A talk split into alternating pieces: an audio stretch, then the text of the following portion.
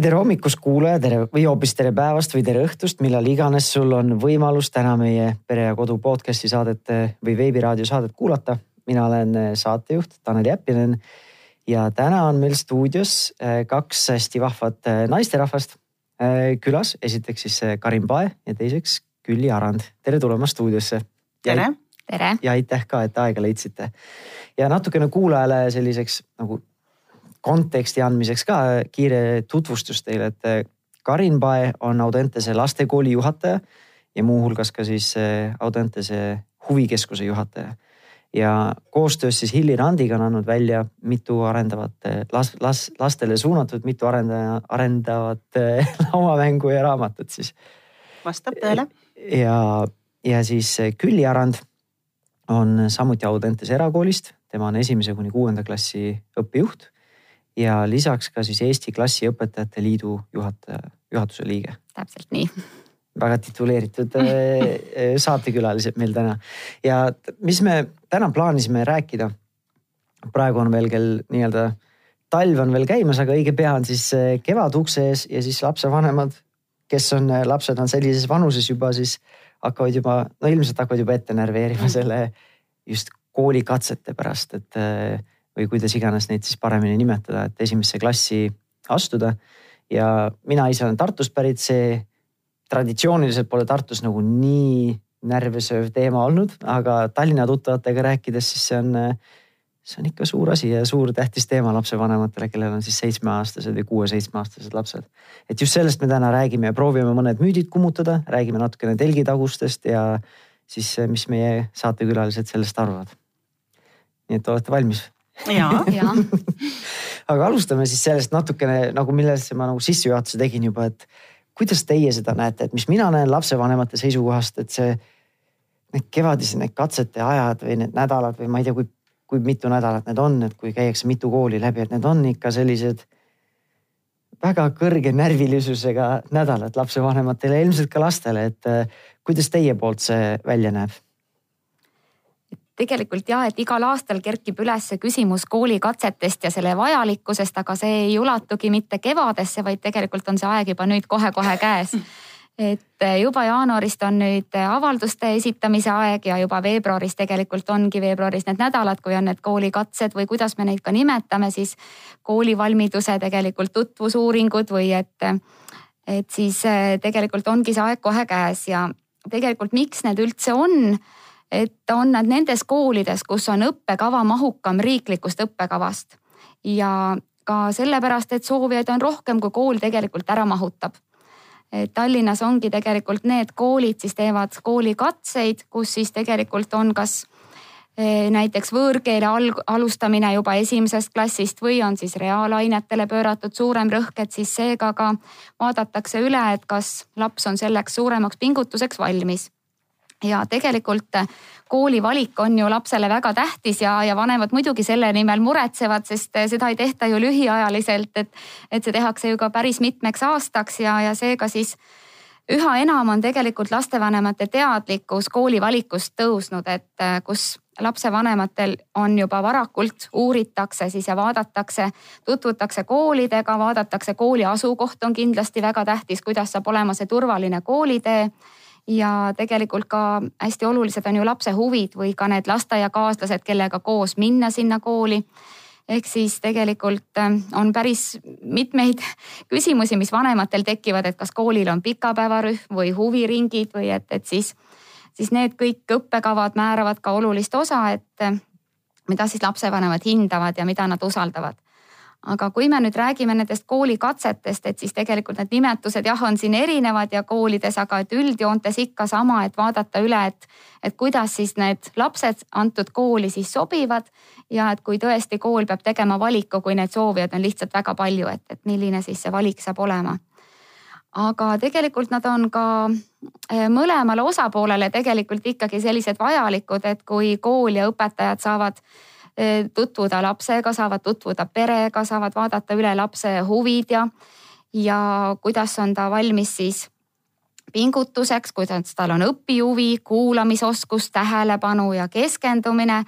aga teiselt poolt saab siis ka kool ju anda omalt poolt ülevaate, et milline on nende õppekava, milline on see töökorraldus, millised huviringid, milline on siis õpikeskkond, et, tegelikult on see ka selline vastastikune tutvus ja ei tasu nagu üle tähtsustada või kuidagi pingeliseks seda olukorda tekitada lapse jaoks, et tegelikult see on selline loomulik protsess ja kindlasti ei pea ka neid akadeemilisi nagu teadmisi nüüd üle tähtsustama, et kool on ikkagi see õppimise koht.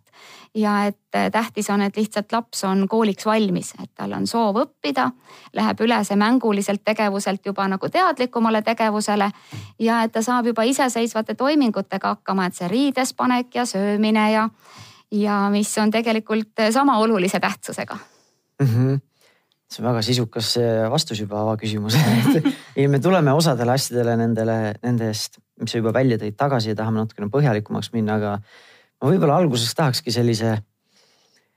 ma ei teagi, kas on müüt, aga see on selline asi, mis mulle on väga palju silma jäänud, kui ma ise olen nüüd lapsevanem, mul on palju sõpru, kellel on vanemad lapsed ja just näiteks eelmine talv aasta aega tagasi olime istusime sõpradega maas ja siis ühel sõbral oli laps kooli minemas või tegelikult oli see, see oli talve lõpp, kevad, äh, kevade algus.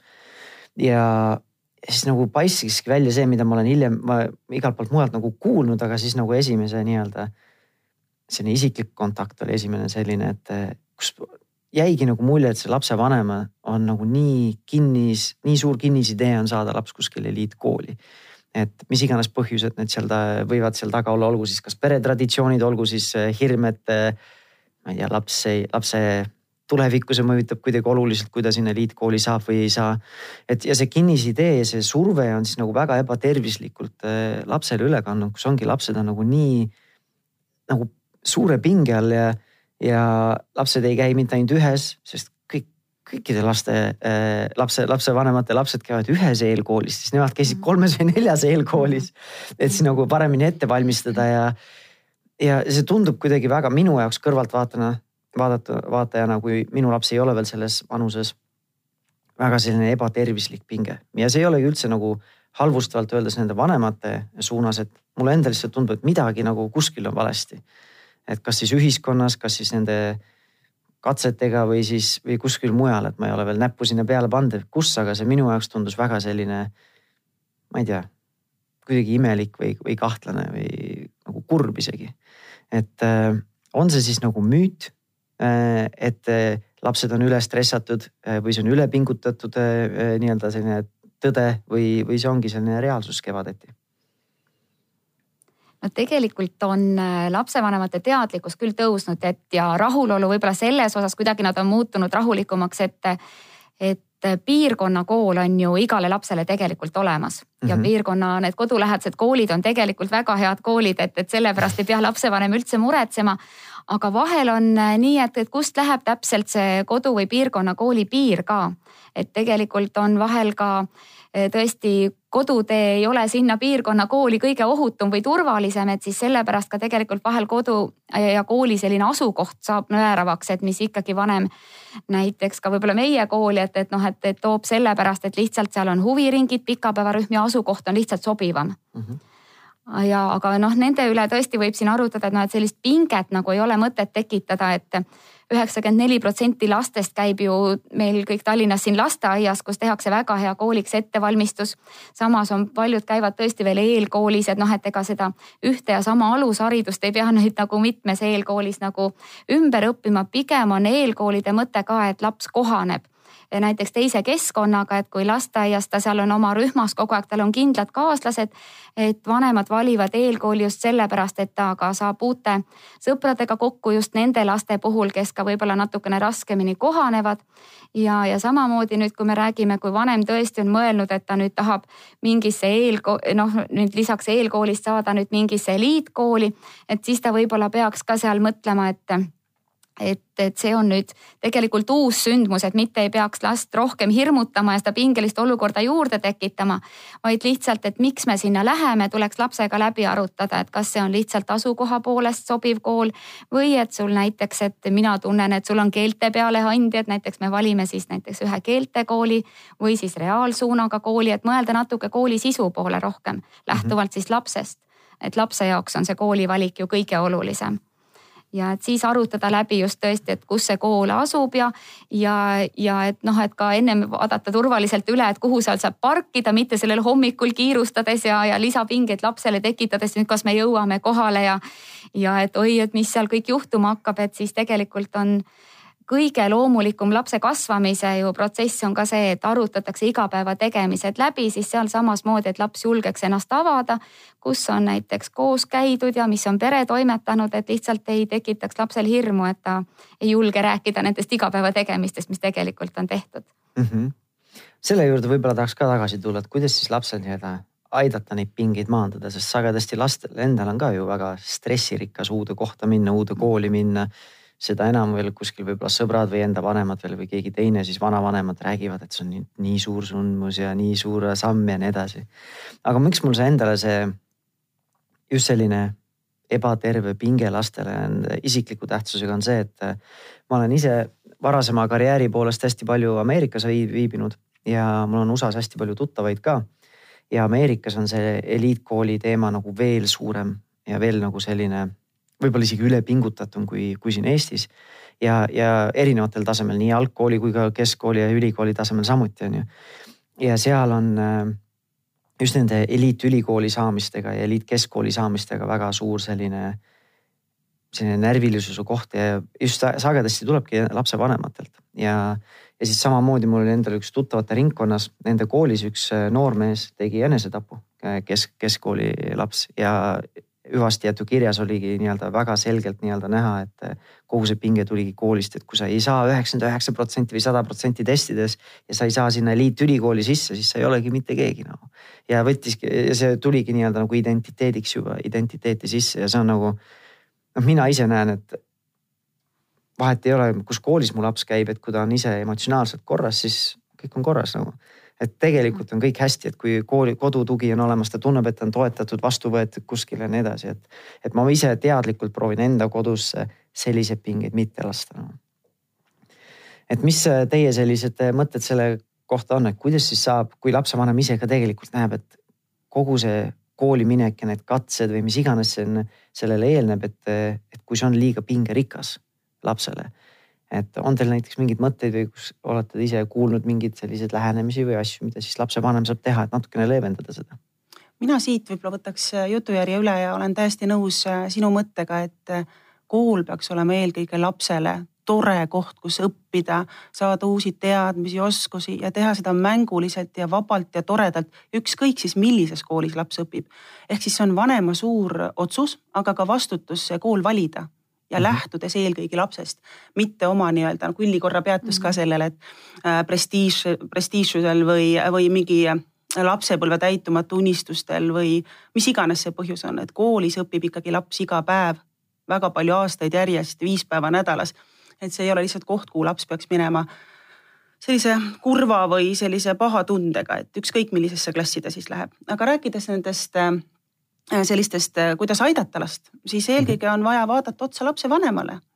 ehk siis, kui lapsevanem on ise rahulik, mõtleb läbi selle päeva, kui ta lapsega sinna koolivalmidusvestlusele, katsetele, perevestlusele, ükskõik kuhu ta siis läheb, kuidas me seda nimetame. et kui tema suudab säilitada endas rahu ja teadmise, miks ta sinna läheb, siis me tegelikult paratamatult lapsed peegeldavad meid mm. -hmm. ja isegi kui me sisemiselt oleme natukene pinges või närvis et siis üritame seda mitte välja näidata, jääda rahulikuks ja kõige tähtsam, et me selgitame lapsele, miks me sinna läheme. mida temalt oodatakse, mis on kõige tähtsam, et see tutvustus, et õpetajad seal koolis tahavad teada, sinuga tuttavaks saada, mida sa tead ja oskad, vestlevad sinuga ja alati on õige öelda, et viisakas käitumine on igas olukorras kõige suurem visiitkaart Mm -hmm. ja, ja võib-olla mm, vanematele ka, ka see ootus, et on loomulikult on näha neid äh, vanemaid seal ukse taga erinevates koolides erinevatel aastatel, et kuidas nad siis hakkavad seal ukse taga veel lapsele mingeid viimaseid faktiteadmisi meelde tuletama, et no sellel ei ole mitte mingisugust mõtet ega tähendust, et äh, anda lapsele kaasa üks, üks tore kallistus ja või selline pai ja las ta läheb ja annab endast parima, sest laps lähebki andma endast parimat, mhm. see, kes ta on, et seal ukse taga viimased aastaarvude meeldetuletamised, noh milleks et jätame lastele ikkagi lapsepõlve ja need inimesed, kes seal lastega räägivad, on ju ka eelkõige õpetajad, nad on, nad on ju ka inimesed, emad-isad. ehk siis ei ole ju mingisugune oh, ma ei oskagi nimetada sellist äh, suurt hirmutuba või seiklusparki, mis, äh, kui laps sinna sisse saadetakse, et. Äh, et tegelikult selline vanema enda teadlikkus on siin see võtmeküsimus, et kuhu me saadame.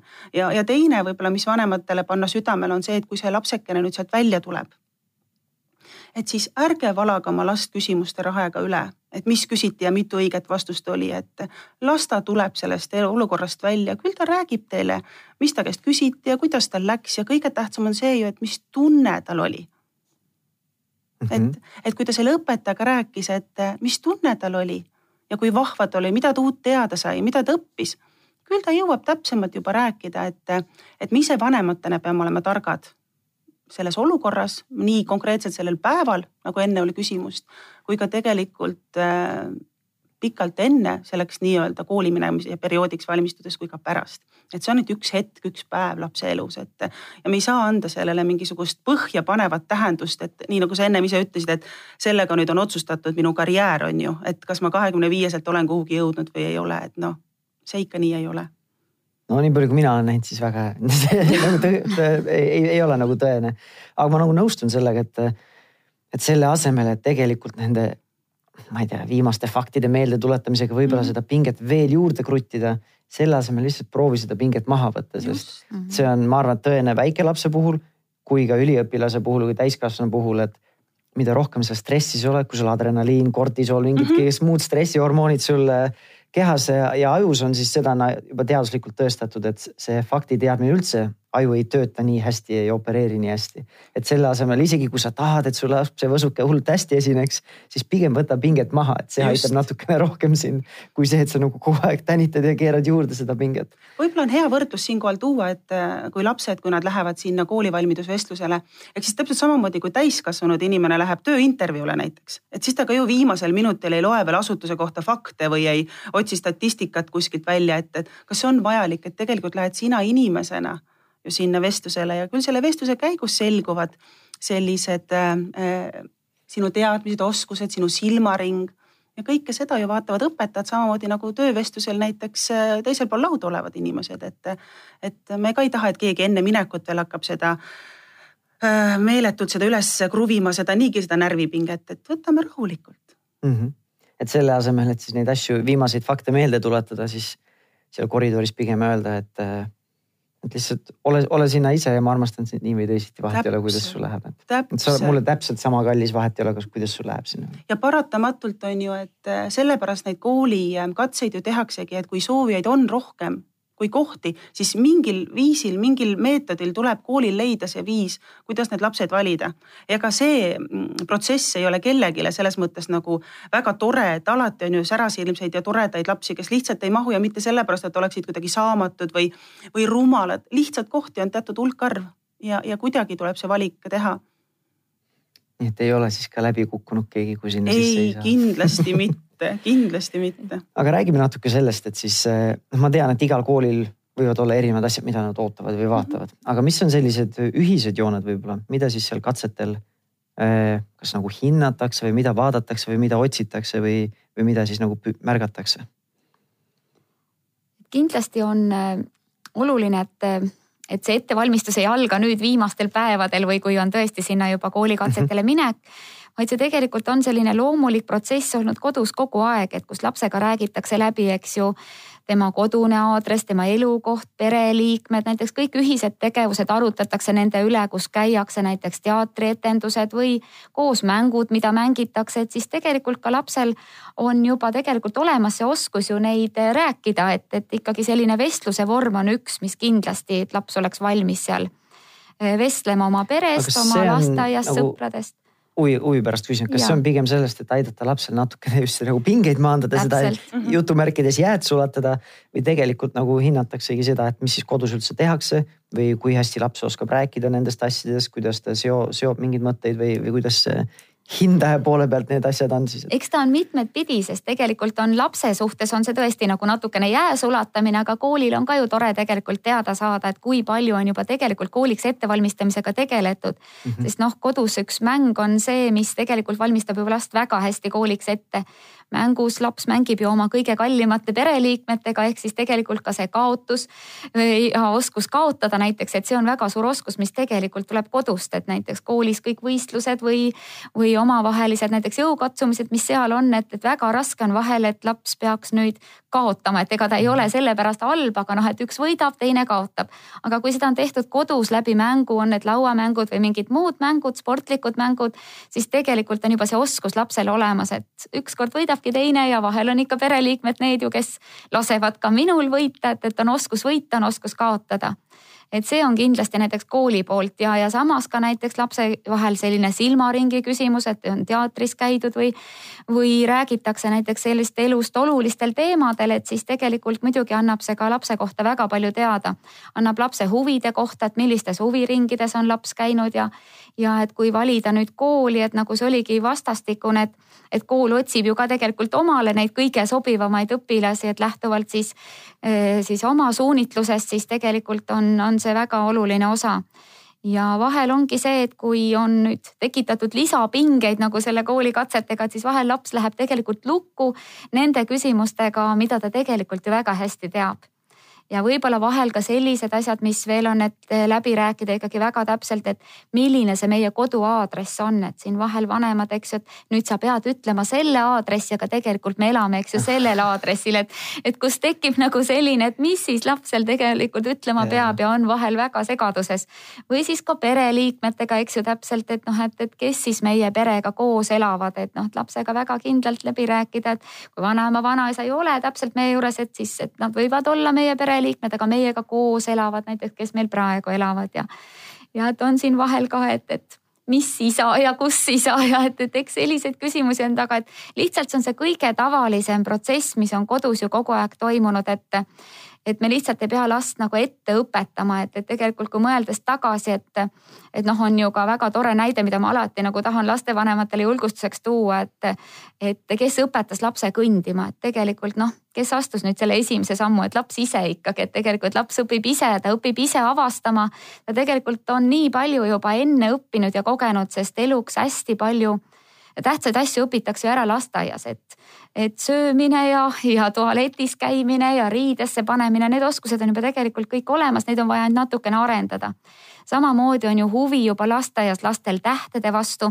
Ja nüüd on, et ei pea seda tegema niimoodi, et nüüd me hakkame õppima või lugema, aga tegelikult perega koos käies lugedes kas tänava noh nimesid või siis vaadata mingeid kas reklaamsilte või teatrietenduste pealkirju, et sealt see tegelikult see lugemishuvi ja sealt see lugemise valmidus tuleb, mis noh, esimeses klassis võib-olla hästi oluline on.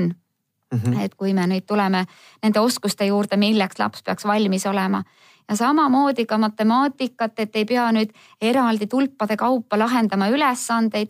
vanavanemad on veel hästi toredad teha mänguliselt neid kommidega, pärast saab need veel ära süüa, et, et siis kõik see, mis on mänguliselt kodus tehtud, see ongi kogu see ettevalmistus nendeks, mida siis tegelikult küsitakse ka katsetel, et, et seal ei küsita midagi sellist, mis on tõesti selline faktiteadmine, mis peaks olema nüüd kuskilt ekstra ära õpitud mm. -hmm. et mis kuupäeval ja aastal oli Tartu rahu näiteks. täpselt et seda ju keegi ei küsi. aga kui suur osakaal on üldse nendel akadeemilistel teadmistel? kas see oleneb palju kooliti või on äh, see pigem selline suhteliselt sarnane erinevates koolides? kindlasti on kooliti ta erinev et ka näiteks koolid, kus kohe algab näiteks võõrkeeleõpetused, noh et, mhm. et siis kindlasti võib-olla vaadatakse ka natukene seal eesti keeles, et võib-olla seda lugemisoskust ja et, et noh, et ka natukene mälu ja et. aga kindlasti ta ei ole nüüd sellise määrava tähtsusega, et noh, et kui seal on nüüd mitu last tõesti ühesuguste punktide arvuga, et siis natukene võib-olla oleneb, et et millised teadmised nüüd sellel lugemisel on, sest lugemine on siiski ikkagi esimeses klassis nagu selliseks aluseks, mis aitab lapsel nagu kõiki muid asju ka paremini meelde jätta. aga kindlasti ei pea selleks nüüd eraldi trillima, vaid see ongi selline hästi loomulik protsess, sest see huvi on sageli lastel enne kooli on lugemise vastu suurem. koolis muutub juba see nagu kohustuslikuks mm -hmm. ikkagi, et seda õiget, seda huvi tekkimise aega ära kasutada aga just hästi mängulises vormis, et, et ka vahel näiteks mina olen toonud ka vanematele veel soovituseks näite, et jätke kasvõi mingi salakiri näiteks kuskile, mis lastel tegelikult tekitab sellist huvi. et muidugi ta ei oska niimoodi õigesti vastu kirjutada, aga ta peab ju selle ära lugema, midagi teada saama ja küll ta nii kaua pusib, kui ta saab sellega hakkama, et see ise nagu avastamine ja hakkama saamine on lapse jaoks hästi oluline Mm -hmm. et mitte kohe anda nüüd õigeid vastuseid või kohe nüüd siitmaalt hakkame nüüd õppima kirjutamist või nüüd lugemist, et see ei ole kindlasti see mis, mis lapsel tekitab pigem seda, et see kool on ikka selline kohutav koht, et, et, et mitte sellist hirmu nagu kooli vastu veel lisaks tekitada. ja on siin endal nii-öelda lapsevanemal jälle suur, ma ei tea, siis nagu vastutus, aga et lihtsalt tegelikult veeta lapsega aega koos ja märgata, mille vastu lapsel huvi on. sest nagu see Montessori pedagoogikas räägitakse ka, et on siis nagu tundlikud perioodid, millel on lapsel nagu eriti suur huvi nagu. eriti suur huvi küll korra järgi, korra vastu või siis teine teine jälle siis teinekord siis just see hästi suur huvi, mingi periood, kus ta ongi selle tähtede ja lugemiste ja arusaamiste ja matemaatika vastu või mis iganes. et lihtsalt osata need ära tunda ja siis äh, nagu pakkuda seda, mida lapsele, mida lapsel on vaja tegelikult. aga kas siis esimesesse klassi minekuks laps peaks nagu oskama lugeda või, või tegelikult see ei ole siis nii oluline? see nüüd on ka nii, et ei pea olema nüüd kindlalt, et kui, missugune see lugemisoskus on, et kas ladus või, või kui palju. kindlasti on see üheks selliseks eeliseks lapse puhul, et et kui me näiteks räägime, et me hakkame esimeses klassis ka kõik lugemist alles õppima, täitsa see nii on. aga samas on meil ka näiteks tööjuhendid ja ja lapse nüüd enesetunde küsimus on see tegelikult, et näiteks kui kõrval mul pinginaaber oskab selle tööjuhendi ära lugeda ja hakkab seda ülesannet tegema, mina aga pean ootama nii kaua, kui õpetaja ikkagi seletab, et ma ei loe neid sõnu kokku, et siis lihtsalt on ta noh mitte nii hea tundega võib-olla seal, et noh, ma tahaks nagu rohkem osata, on lapse tunne mm. -hmm. aga kindlasti see on ka koolis õppimise, harjutamise koht, aga siin lihtsalt lapsevanemad saavad kodus nagu toetada oma last, et erinevate selliste toredate mängude ja võtetega, et lihtsalt lapse see enesetunne oleks nii, et et ka loodusõpetuses, matemaatikas, kus on tööjuhendid, et noh, et on ikkagi see lugemine nagu selleks kõige aluseks. et siis lapsel on jah, selline väike edumaa teiste ees mm. -hmm. ma tahaks sellesama küsimuse et mida siis nagu katsetel hinnatakse või vaadatakse natuke teise nurga alt küsida, et siin on palju asju nagu läbi käinud, aga lihtsalt kokku võib-olla võtta ja võib-olla midagi lisada ka, et, et milline laps on siis kooliks valmis? kindlasti, kui silm särab, on rõõmus meel ja ta tunneb huvi tegelikult teadasaamise vastu selle kõik õpetajad juba niimoodi tunnevad seal katsetel mhm. ära, et tal on teada see tahtmine, samamoodi ta on valmis tegema koostööd kaaslastega näiteks või rühmatööd või sealsamas või tehakse selline väikene tund, et siis tegelikult on see laps ise, kes on tegelikult selles eas, kus ta peab kooli minema, on ta ju selleks tegevuseks juba väga valmis ja huvitatud ja lasteaia viimase rühma lapsed ju alati noh, nagu kuidagi ootavad seda, et ma tahaksin sinna uude keskkonda, ma tahaksin teada saada, ma tahaks õppida, on see kooli ootus ju kõigil juba olemas mm. -hmm. et siis see on kindlasti, mida nagu seal katsetel vaadatakse ja märgatakse ja korra täiendan siit veel, et äh, Külli küll mainis, aga toon sinna juurde ka, et äh, kindlasti koolivalmis laps on see, kes on valmis tegema koostööd nii eakaaslastega kui ka täiskasvanutega, sest koolis paratamatult laps puutub kokku eakaaslastega, ta saab uued klassikaaslased endale paralleelklassis mm, -hmm. vanemad kaaslased võib-olla, kellega ta kohtub pikapäevarühmas, huvitegevuses, aga ka õpetajad, sest tal tuleb ju palju erinevaid õpetajaid kellega ta peab hakkama koostööd tegema. just nimelt see valmisolek hakata õppima uusi teadmisi, oskusi omandama Äh, oskus ka tegelikult ju jälgida ja, ja kuulata korraldusi, neid täita, et see ongi koolivalmis laps, kes on valmis alustama õppetegevust mm. -hmm. ja vahepeal käis läbi üldse selline eluvalmidus ka, et kas oskad ise ennast riidesse panna, on ju, mhm. äh, noh igapäevaseid asju teha, et kas ja, sa saad ise on ju hakkama, oled iseseisev selles suhtes. aga siis nagu, kui me enne rääkisime selle küsimuse juures just selline nagu emotsionaalne võib-olla kas siis küpsus või selline ikkagi mingi selline emotsionaalne areng ka, et kas sa, kuidas sa ise pingetega ja suurte tunnetega hakkama saad ja nii edasi. on see nagu ka oluline, mida, mida lapsevanem ise peaks vaatama, et kas laps on kooliks valmis või mitte no kui me räägime koolivalmidusest, siis äh, sellest saaks rääkida pikalt ja anda terveid loenguid, aga võib-olla kõige üldisem saabki öelda, et koolivalmiduse me saame jaotada kolmeks, üks on selline vaimne valmisolek, kuhu alla mhm. jäävadki need teadmised, millest Külli juba rääkis, siis selline sotsiaalne valmisolek, sinna alla lähevad kõik need, kuidas ma iseendaga toime tulen, kuidas ma kaaslastega toime tulen, täiskasvanu, sinna lähevad kõik need oskused, oskan riidesse panna, leian oma koolikotti kolme samasuguse koolikoti seast, et kuidas ma leian selle jah, kuidas ma tulen toime sellega, see oskus kaotada, oskus võita, kõik need sotsiaalsed oskused.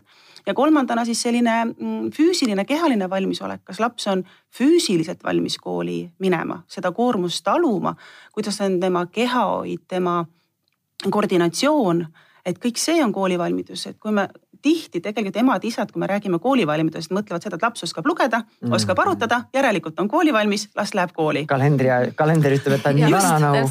jah, just, aga, aga tegelikult koolivalmidus on palju-palju lai, äh, laiem mõiste just nimelt hoomates kõike sedasama, mis sa tõid, see emotsionaalne, see lähebki selle lapse enesekohaste oskuste alla, kuidas ma tulen oma emotsioonidega toime. kui ma olen kurb, et mis ma siis teen et kui ma olen kurb, et ja mul näiteks on kustukumm kadunud, et mulle on õpetatud, et ma lähen ütlen õpetajale, minu kustutuskumm on kadunud ja õpetaja aitab minuga koos otsida alguses või ütleb, et võta pinginaaber mhm. appi ja mine otsi. ehk ongi see, et need on need sotsiaalsed oskused, kuidas ma ise tulen keerulistes olukordades toime, kuidas ma tulen toime sellistes toredates olukordades ja kuidas ma jagan rõõmu, kas ma teen seda valjuhäälselt klassis või teen seda vahetunnis. ehk siis need on kõik need oskused ja neid me tegelikult ei hakka õpetama kaks-kolm kuud enne kooli minekut, vaid tegelikult kooliks ettevalmistus hakkab ju aastaid-aastaid ennem kooli minekut ja see ei ole selline, võtame õpiku lahti nagu liikluseeskiri õppima, paragrahv kolm ja punkt kolm, neli, viis õpin pähe teen eksami ära, on korras.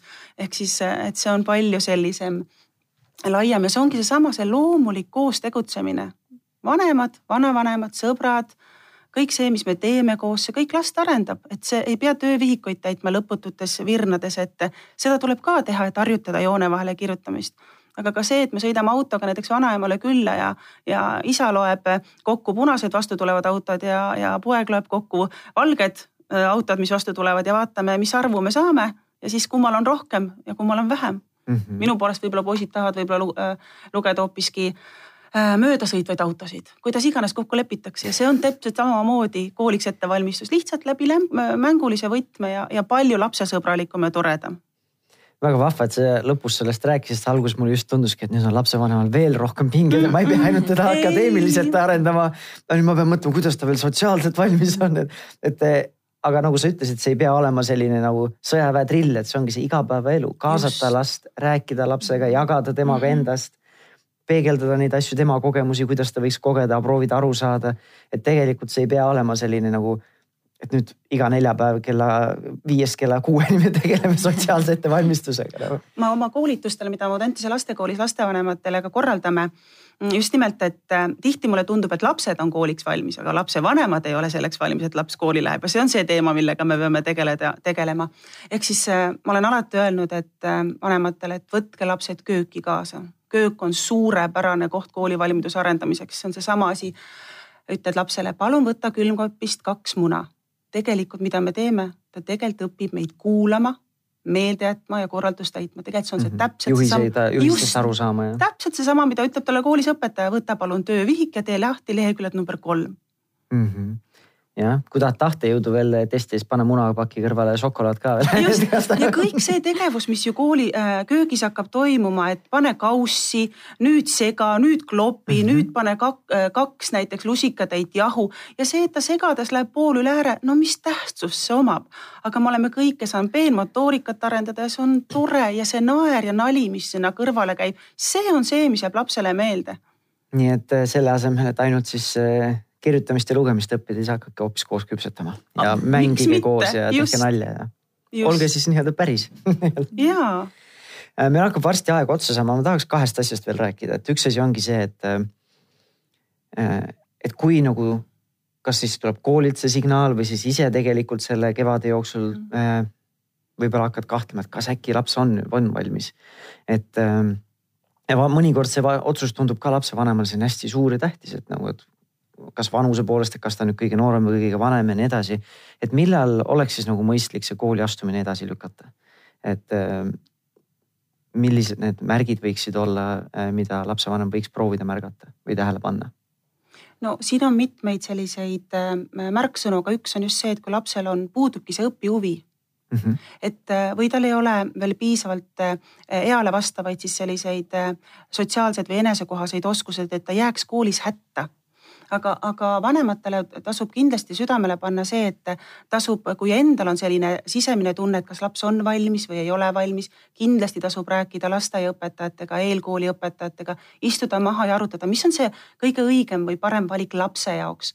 tihti peljatakse seda, et kui laps jääb äh, üheks aastaks veel koju, et kuidas ma naabritele või tuttavatele selgitan, siis siin jälle vanem peab olema teadlik oma otsusest, mis on tema lapsele kõige parem ja kui see otsus tehakse ja seda ei tee vanem et ta otsustab, et ma jätan oma lapse aastaks koju. selleks on nõustamiskomisjonid ja see on selline protsess, me täna ei jõua siin võib-olla pikalt sellel mm -hmm. peatuda, aga aga kui see on lapse jaoks vajalik, siis tuleb see samm ette võtta. samas see ei tähenda seda, et nüüd laps on aasta aega kodus ja justkui nagu äh, iseenesest jah, vaatab multikaid, iseenesest saab kuidagi targemaks, siis vanem võtabki selle otsuse äh, ja, ja vastutuse eelkõige et ta peab siis last ette valmistama. aga, aga see ei ole vanema ainuüks, no isikuline otsus nii-öelda ja no sagedasti ei ole need põhjused ka see, et nüüd kuidas ma nüüd oma tuttavatele räägin, aga mõnikord on ka just laps ise ka nagu ei tea, kas te noh, lapse seisukohast ka, et nüüd su kõik tuttavad ja sõbrad lähevad just kooli ja mm -hmm. sina ei lähe, et kuidas see siis nagu last võib-olla mõjutab, et kui nagu tema võib-olla läheb välja millestki või.... aga see on jälle meie teadlikkus vanematena, kuidas võib me selgitame seda lapsele. ega, ega laps ju ei tea, et äh, minu lasteaiarühmas kahekümne kuuest lapsest äh, kakskümmend kolm läheb kooli, see teeb sellise protsendi, mina olen nende hulgas, kes ei lähe, et see on meie teadlikkuse küsimus. kuidas me selgitame lapsele, et sina jääd veel aastaks koju, et, et lihvida näiteks seda oskust või teist teist oskust ja, ja sina käid vahepeal siin ja, ja seal ja toimetad siin, et see on meie, meie teadlikkuse küsimus, kuidas me seda selgitame, et selle taha küll ei peaks põgenema mm -hmm. ja siis jätta laps on koolis, kus ta tegelikult võib-olla ei saa veel hakkama ja mitte sellepärast, et ta ei taha või ei suuda, vaid tal lihtsalt, ta ei ole valmis. ta lihtsalt mm, -hmm. me mhm. paneme ta olukorda, kus tal on raske. ja siis võibki tekkida selline olukord, et mis ma nii-öelda anekdoodina olen kuulnud, et sagedasti või hästi paljud lapsed, kes lähevad kooli esimesse klassi, on nagu ongi nagu sina küll ütlesid, silmad säravad, on nagu mm. põnevil ja uudishimulikud. aga siis midagi nagu kooliga juhtub, et neljandaks-viiendaks klassiks see, see nagu särasilmsus nagu kaob ära. et siis see võib nagu seda kiirendada või seda võibki nagu põhjustada, et kui ta ei ole selleks valmis, siis ja. nagu mul täiskasvanuna ei meeldi nagu teha asju, milles ma nagu kehva olen või milles mm -hmm. ma ei ole hea. Eile õhtul käisime sõpradega just O'Leary's äh, mingit sportmänge tegemas no isegi täiskasvanu, ma ei naudi ka seda pingsi mängimist kogu aeg, kui kogu aeg pähe saan nagu, et. et nagu võtabki selle tuju ära, ma parem istun sõpradega, räägin juttu, mängige teie nagu, et nagu lapsel samamoodi, kui ta ise tunneb, et ta ongi teistest maas väga. ja kui ta tunneb seda iga päev, no. iga päev, ehk siis sellepärast ongi tähtis, et meie vanematena, õpetajatena oskame näha ja teha lapse jaoks parimaid otsuseid ja valikuid ja kas ta nüüd alustab seitsmeaastaselt või kaheksa-aastaselt, siis see ei oma tähtsust. tähtsust omab see, et tal oleks koolis tore ja hea õppida. sest õppida saab ainult siis, kui tal on seal turvaline olla koolis mm, -hmm. siis on seda kooli rõõmu ja sära ka silmis. siis ma viimaseks tahaks natuke küsida, et kas see asi on nagu teistpidi ka võimalik, et laps on nagu liiga üle ette valmistatud ja nagu liiga valmis kooliks, et tal tegelikult ongi, ta on, tal on igav. nagu ta kaotabki selle huvi juba sellepärast ära, et nagu noh, ta on kõigist nii-öelda nii palju ees mingite oskuste või teadmistega, et, et nagu see ei ole nagu ei paku pinget ja võib-olla ei ole enam nii lõbus ka seda teha. ja võib-olla tekibki endal selline nagu loorberitel puhkamise eh, nii-öelda tunne, et noh, teised ei oska seda seda, ma oskan seda ammu juba teha ja et võib-olla siis laps ei ole ka võib-olla õiges kohas. või kuidas, kuidas te sellesse suhtute, kas on üldse nagu, nagu reaalne probleem üldse või ei ole? On küll selles mõttes, et kui laps, kes läheb kooli ja ta läheb selle tundega, et ta kõike oskab ja kõike teab ja, ja siis on küll oht äh, see, kus äh, ta ei märka seda kohta, kus tal hakkab raskeks minema. ja, ja siis võib tekkida see olukord, kus ta on olukorras, kus ta ei tule toime iseendaga, sellepärast ta siiamaani on olnud kõige tublim nii-öelda mm, -hmm. osanud kõike ja saanud kõik liiga kerge vaevaga. ehk siis on jälle see koht, kus tegelikult eh, ega üheski klassis ei ole kõik lapsed ühesugused, iga laps on erinev, kõikide teadmised, oskused on erinevad. ühes klassis võib olla laps, kes õpib alles lugema, on teine laps, kes on lugenud läbi juba kõik kolm Harry Potteri osa ehk siis, ja see ongi õpetaja professionaalsuse küsimus, kuidas panna äh, erineva tasemega lapsed ühes klassis õppima, nii et kõigil on tore, tore ja vahva õppida. aga, aga vastuseks selle koha pealt, et äh, me peame märkama seda kohta kus laps, kes võib-olla on hetkel nii-öelda sinu kasuterminid ette õpetatud, et kuna tal läheb raskeks või kuna me peame hoidma kätt pulsil mm, -hmm. et me seda hetke maha ei maga. sest muidu võib kergesti frustratsioon tekkida. jaa, kindlasti ma ei olegi enam nii andekas või osav või, või tark või mis iganes. tekibki see koht, et ma ei ole pidanud ka pingutama, eks ju, ja nüüd ühel hetkel ma pean pingutama või ma ei saa enam nii hästi hakkama, et siis on ka tegelikult vanematele noh, täiesti selline tõsine märk, et kui ühel hetkel näiteks on lapsel need teadmised, oskused olemas, aga leida ikkagi see koht, et tal on alati millegi nimel või midagi vaja veel juurde õppida või pingutada. et lihtsalt ei tekiks nagu sellist, et noh, ma olen, olen, olen, aga ühel hetkel enam ei ole ja siin me jõuame kõige, kõige parem. ja, ja jõuame jälle sinnasama juurde, et äh, miks ei ole vaja la, äh, lapsi katseteks ette nii-öelda õpetada või tuupida, ehk see, see, sellel ei ole perspektiivi, ehk me valmistame last kooliks ette, mitte ei, mitte ei, mitte ei tuubi teda täis faktiteadmisi või mingisugused, mingist infot ja oskusi teadmisi nendeks katseteks. samamoodi, et kui ta läheb kooli, siis ühel hetkel ta jõuab ju sinnamaani, kus, kus teda, kus see etteõpetatuse tase saab nii-öelda otsa või see, see anum saab mhm. tühjaks. ehk siis tähtis on ikkagi mõelda, et see on pikk ja tore protsess see kooliks ettevalmistus ja koolis õppimine mm. -hmm. meil hakkab nüüd aeg otsa saama, et eh, ma ei taha nagu midagi õhku jätta, et tahate midagi veel kuidagi kokku võtta ka või teie enda arvates jäi midagi väga tähtsat arutamata, millele lihtsalt põgusalt tähelepanu veel pöörata, enne kui joone alla tõmbame tänasele saatele? mina võin ühe sellise lause öelda, et lapsevanemale veel nagu julgustuseks ja toeks, et et sellised võtmesõnad on ikka need kooli ja kodu koostöö, et alati, kui lapsevanemana te usaldate kooli, usaldate õpetajat, siis laps usaldab kõige rohkem teid ja siis, kui see koostöö sujub, siis on mured nagu murtud, võin öelda, et, et, et olge alati oma lapse jaoks olemas, kuulake ära tema päevatoimetused, mured, rõõmud ja kui te alguses, kooli alguses olete lapse jaoks olemas, siis viiendas-kuuendas klassis laps õpib iseseisvalt, on selle vastutuse võtnud, siis ei pea enam tema kõrval istuma. aga et algul on küll, võib-olla laps oskab need ülesanded kõik ise ära teha, aga ta tahab kasvõi teie noogutust või, või, või julge, no julgustamist, et lihtsalt et ta on kenasti hakkama saanud, et see on tema jaoks selline uus ja tähtis töö, et, et kus tema tahab ka ju olla nagu väga hästi hakkama saav mm. -hmm mina ka ütlen lõp äh, lõpetuseks, et äh, tähtis on, et äh, ollakse koos, jagatakse rõõme ja muresid, siis saab kõigest võitu, olgu siis kooli sees ootamas sellised äh, toredad ja vahvad ettevõtmised või kui tuleb sisse ka mõni väike mureke. väga vahva. mul on väga hea meel, et te täna võtsite nii-öelda aega ja aega siia täna saatesse tulla, sest mul endal on küll väga hea tunne juba, et kui alguses ma mõtlesin, et see on nagu nii närviline, pingeline selline protsess ja see et siis äh, tänase saate lõpuks mul juba tunne, et tegelikult võib-olla ei olegi asjad nii hull, tegelikult on täitsa okei okay ja täiesti, täiesti loomulik elu osa lihtsalt, et, äh, et suur aitäh äh, saatekülalistele, Karin Pae ja Külli Arand, et te võtsite aega tulla siia ja jagada oma kogemusi. mõlemad olid siis Audentese erakoolist, et aitäh veel kord. aitäh. aitäh kutsumast.